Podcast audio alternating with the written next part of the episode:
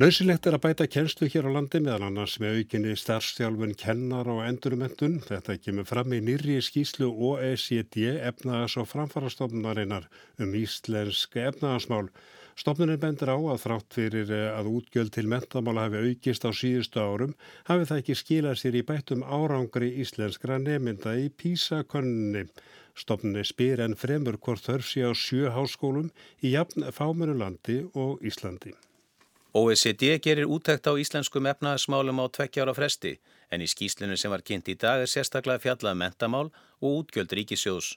Stopnunum tilur að efnaðasumkverju hér á landi sé almennt heilbrygt, jöfnuður óvíða meiri og staða ríkisjós traust. Spáð er 0,2% að hagvesti á þessu ári og hann verði 2,2% á því næsta.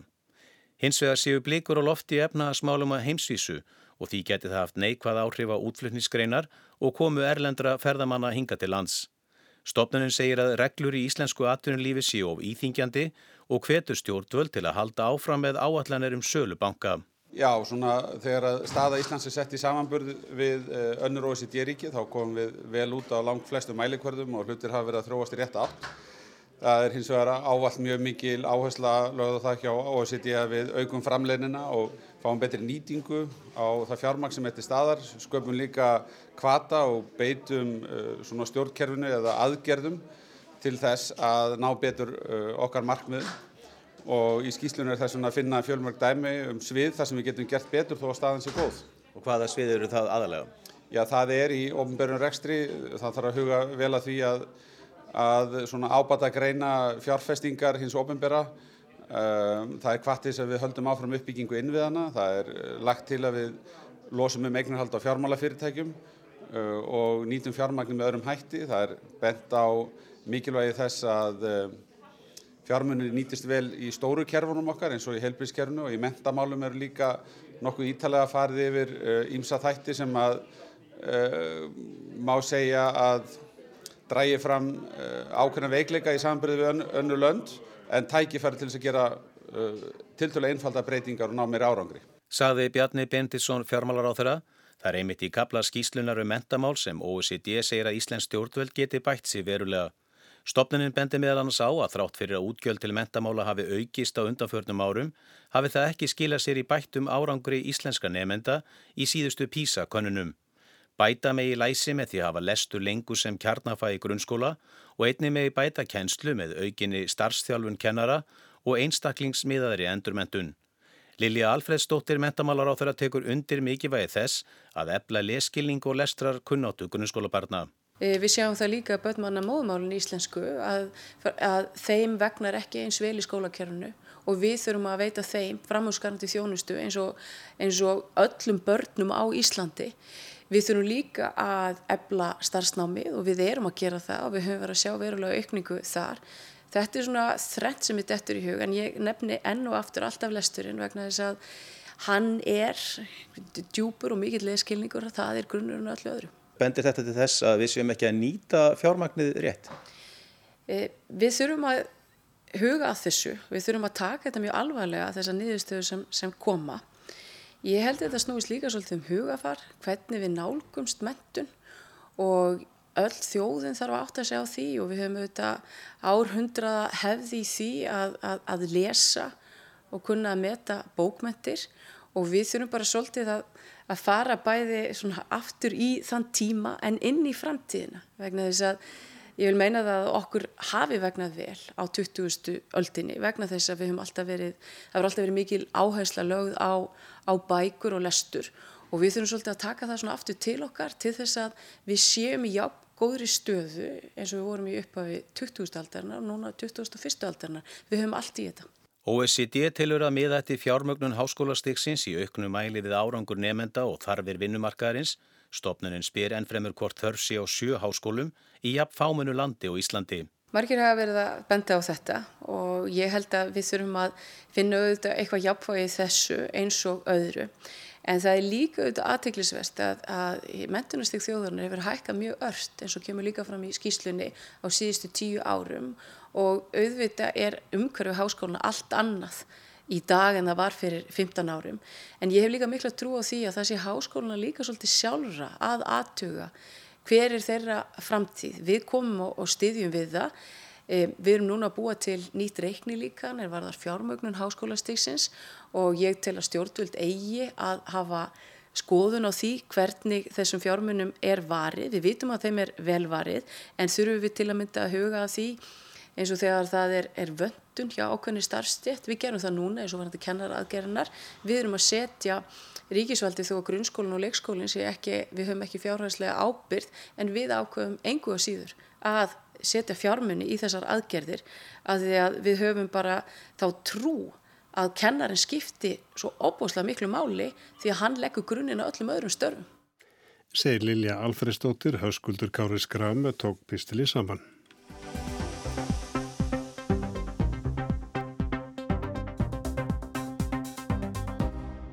Boris Johnson forsættist að það að breyta talaði var, varkárni í dag ekki að búast við á miklu á leið til fundar við Sjón Klót Juncker forsætta framkvæmtastjórnar ESB. Sjáum hvað setur, saði Juncker, þrátt fyrir samningstali hefur Jónsson ekki verið að flýta sér til fyrsta fundarins við Junker og slæðir áfram úr og í um samningslausa útgöngun. Sumir stjórnmálarskýrindu telja þetta yfirlöður áð til að ná samningi. Aðri velta fyrir sér hvort það sé heil brú í viðletni bresku stjórnarinnar. Þegar Boris Johnson, fórsætsrað þeirra breytaði, fengið sig sattan af hátæðisverðurum í dag í bóði Jean-Claude Junckers, fórsetta framkvæmda stjórnar ESB, eggjarétti, risotto og berjum, lendan í ógöngum. Bílalest forsætsráð þeirra festist í þröngum götum gamla bæjarins í Luxemborg og hópur ESB sinna breyta gerði hrópaðunum. Tákgrænar ógöngur eða ekki þegar eftir hvað fólki finnst um fundarefnið útgöngu breyta úr ESB. Mótmælakórin fylgir Jónsson hvar sem hann fer og var til þess að hann létu vera að hitta bladamenn með Savje Bettel, forsætsráðura Luxemborgar, eftir fund þeirra í dag. Ærandi mótmæli af hlaði Bettels. Brexit bóðskapur Johnsons hefur sveiblast til, talar ímist um samninga sem möguleika eða ekki, en alveg klárt að stjórnin stefni á útgöngu í lok oktober, samningslöst ef ekki vill betur, þegar umsaminn frestur ESB rennur út. Bresku stjórninni hefur þó ekki leiðið mikið á að funda með Evropuleiðtúum Það leið mánuður þar til Jónsson fundaði með Angelu Merkel, Þískalandskanslara. Hún talaði kurteislega um mögulega samninga. Jónsson saðist myndu senda tillögur hið snarasta um hvernig mætti riðja úr vegi ásteitingarsteininu mikla, írsku þrautavaralustninni. Hið snarasta gerðist lítið á samningafundi í Brussel fyrir helgi kom þó loks fram eitthvað áþreifanlegt frá bretum. Opin landamæri varðandi landbúnaðarvörur. Þær vörur er aðeins þrýðjungur vöruflæðis millir Írlands og Norður Írlands engin allsærja löst en hugsanlega fyrsta skrefið í áttað viðtækari löst, kemur í ljós. Fyrirfram var ekki búist við áþreifalegri niðurstöðu af fyrsta fundi þeirra Johnsons og Junkers í dag sem Michel Barnier, aðalsamningamæður ESB, satt einnig. Fundurinn aðeins til marksum samningsvilja Í viðtali nýlega undirstreikaði Juncker að sjálfum útgöngusamningnum yrði ekki breytt en það mætti breyta pólitísku yfirlýsingunni sem fylgir samningnum. Sem fyrr vantaði þó tilur frá breytum, saði Juncker. Í fréttatilkynningu framkvæmdastjórnarinnar eftir fundin í dag var enn auglýst eftir tilugum frá breytum sem bæru ábyrð á að leggja fram raunsæjartilugur. Þá vil ég til að kanna þær ef þær bærust og leggja nótt við 19 dag fram að leðtúafundi ESB ríkjana 17. oktober, næstu likil dagsetningunni í brexit-framvindunni. Sankvæmt yfirlýsingu fórsatsráð þar að breyta á að herða á viðræðunum. Hann stemdi á samning án írsku þrautavaralösnarnar sem breska þingið gæti þá samþeikt og hann myndi ekki byggja um frekari frest. Brettar fær út í lok oktober, sæði yfirlýsingunni. Samningur án írsku lausnarinnar kemur ekki til greina í ESB. Ekki þá nema eitthvað kom í staðinn. Þetta eitthvað sem brettar verða að finna og já, aðeins mánuður í leðtúafundin. Breski þingmenn telja sig hafa komið í veg fyrir samningslösa útgöngu með samþygt sem hveður áum að án samnings fyrir leðtúafundin í oktober verði fórsatsráðara að sækjum útgöngufrest. Eftir að hafa gefið því undir fótinn að hann fylg ekki lögunum, virðist Johnson nú míða á smugu framhjá þeim. Hann ætli ekki að sækjum frest. Forverinn Theresa May fjall meðal annars á því að hafa ekki haft þingmenn með í samningsförinni. Náu Johnson samningum gæti hann uppgötvað rétt eins og May að eitt er að ná samkómalagi við ESB og það er erfitt, annað að fá samþyggi þingsins heimafyrir. Stjórnin hefur ekki meiri hluta. Johnson hefur ekki, frekar en mei, notað kraftana í að byggja samningsbrýr heimafyrir, en anstætt henni virðist hann gera sér farum að egna anstæðinga sína til reyði og ganga fram af þeim. Þetta að slá úr og í um samninga er kannski til að halda öllum leiðum opnum en Johnson hefur um leið búið til fjallháar væntingar eða ógnun með því að lofa eða hóta samningslausri útgöngu. Sumir sjá í þessari nálgun forsætsráð þeirra við sama heikashortnið og alltaf hann haf aldrei verið góður í smáutriðum viðfangsefna sinna og hafi nún ekki hugmyndum hvert markmiði sé. Aðri telja þetta snildarbrað að halda öllu ókláru og opnu því þannig sé lag til að koma óvart og ná árangri. Það fyrir að stittast í að afleikurinn eða snildin ofinberist. Og það var Sigrun Davidsdóttir sem saði okkur frá því nýjasta í Brexit.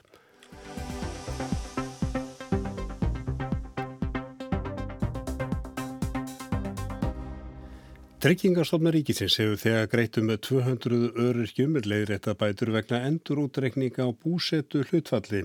Umbósmaður alþingins komst þær niðurstu í fyrra útreikningar stofnunarinnar ættu ekki stóði í lögum. Örykja bandalagi sætti sér ekki við að miða sér við að kröfur fyrtnist á fjórum árum. Á næstu vikum verður höfða mál á henduríkinum þar sem þess verður krafist að fresturinn verði tíu ár. Umbóðsmaður Alþingis hefur komist að þeirri niðurstöðu að ákverðun tryggingarstofnunar um örorku lífeyri þeirra sem búið hafa í öðru EES landi eigi ekki stóð í lögum. Breytingarnar getur varðað hundruð öryrkja. Þetta var í speklinni byrju nógumbir í fyrra. Málið snýstum öryrkja sem hafa búið á Íslandi og jáframt í öðru eða öðrum löndum á Evróska efnaðsvæðinu EES. Þegar sótt varum bætur hér er miðurst herfi ákveði búsetu hlutfall til að fá fullar bætur hér á landi þurftu umsækjendur að sína fram á 40 ára samanlaða búsetu fram til 67 ára aldus. Í speklinu var tekið dæmi um útreikningana. Það var mann sem hefur búið í tíu ári í Danmörku, flýtur heim og verður öryrki eftir í tíu ára búset á Íslandi. Hann er þá 36 ára og á 31 ár í 67 ár aldurum. Hann næði því 41 ás búsitur hlutvalli og ætti að fá fullar bætur að mati öryrkjabandalagsins. Hann fær hins vegar aðeins 63% bætur. Reyknir reglan er svo að vegna 10 ára búsit í Danmörkum eða í öðru landi ES og 10 ára búsit á Íslandi er búsitur hlutvalli metið 63% til frambúðar. Hann á sem sagt rétt á rúmlega hálfum bótum vegna þessara tíu ára í Danmörkum. Kanski flókið mál en svona voru reglurnar. Það er miðust við að þessi tiltekni maður ætti líka rétt á bótum frá Danmörkum. Þar hefur kerfinu reyndar við breytt og ekki er í bóði bætur þaðan í þessu tilviki. Mál Jóhannu Þorsteinsdóttur var rækið í speklinum í stuttum áli átt hún einingis rétt á um 20% bótum hér heima vegna búsötu í Danmörkum. Svo lágar bætur rökva skamt fyrir framfæslum. Hún fór með mál sitt til umbósmanns alþingi sem komst þeirri niður stuða að reiknireglu tér ættu ekki við lagalega röka stiðjast. Umbósmaður byrti álit sitt í júni í fyrra. Það þýtti að tryggingastofnun varða að endurreikna allar bætur sem hefur skerst vegna útreikninga á búsitulhutvallinu.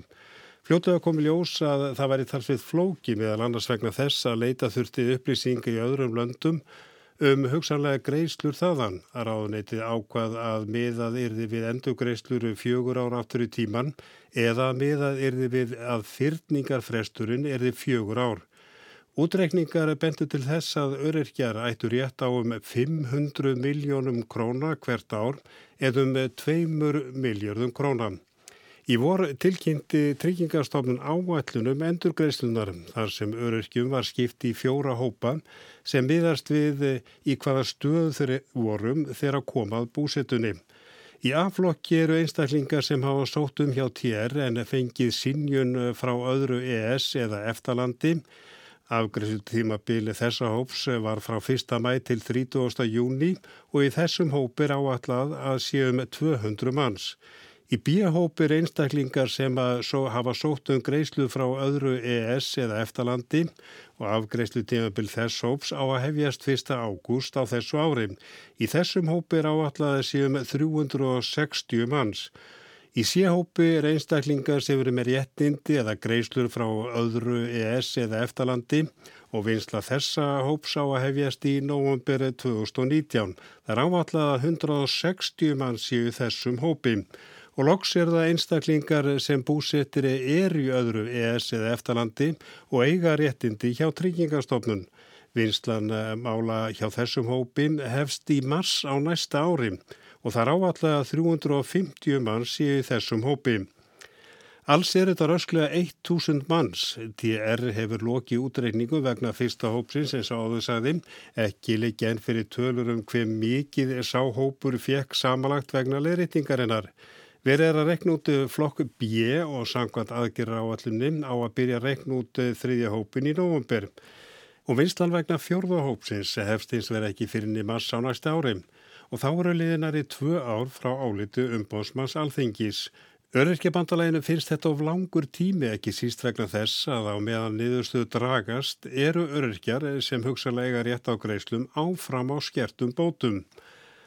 Á endurgreifslunar frá TR leggja svo 5,5% af vextir sem er í samræði við vinnureglu stofnarinnar þegar að bætur eru endurgreittar eða leiðrættar. Jóhanna Þorsteinstóttir sem hrattestari skrið á stað var í A-floknum og hefur því fengið leiðrætingum. Hún var úrskurð með um 20% rétt en leiðrætingin leiti til 100% eða fullra bóta. Mál hennan er aftur til ásins 2010. Fjögur ára fyrningareglan þýðir að hún fær engar bætur fyrir árið 2014 og hún er ósátt við það. Í stað þess að hún og jafnvel einhverjir fleiri höfðu mál gegn ríkinu hefur örkjabandalagi ákveð að höfða mál fyrir hönd allra þeirra sem fengu skertar bætur vegna búsetulhutvalsins.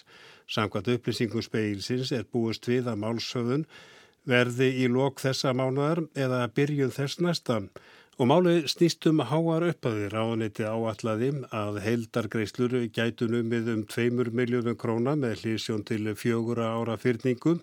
Öryrkjabandalagi bendir á að til séu ímsa reglur um fyrningum og í þessu tilfelli sé rétta með við að minnstakosti 10 ár. Ef fallist verður á það gætu heildargreislur numið um 5 miljónum króna.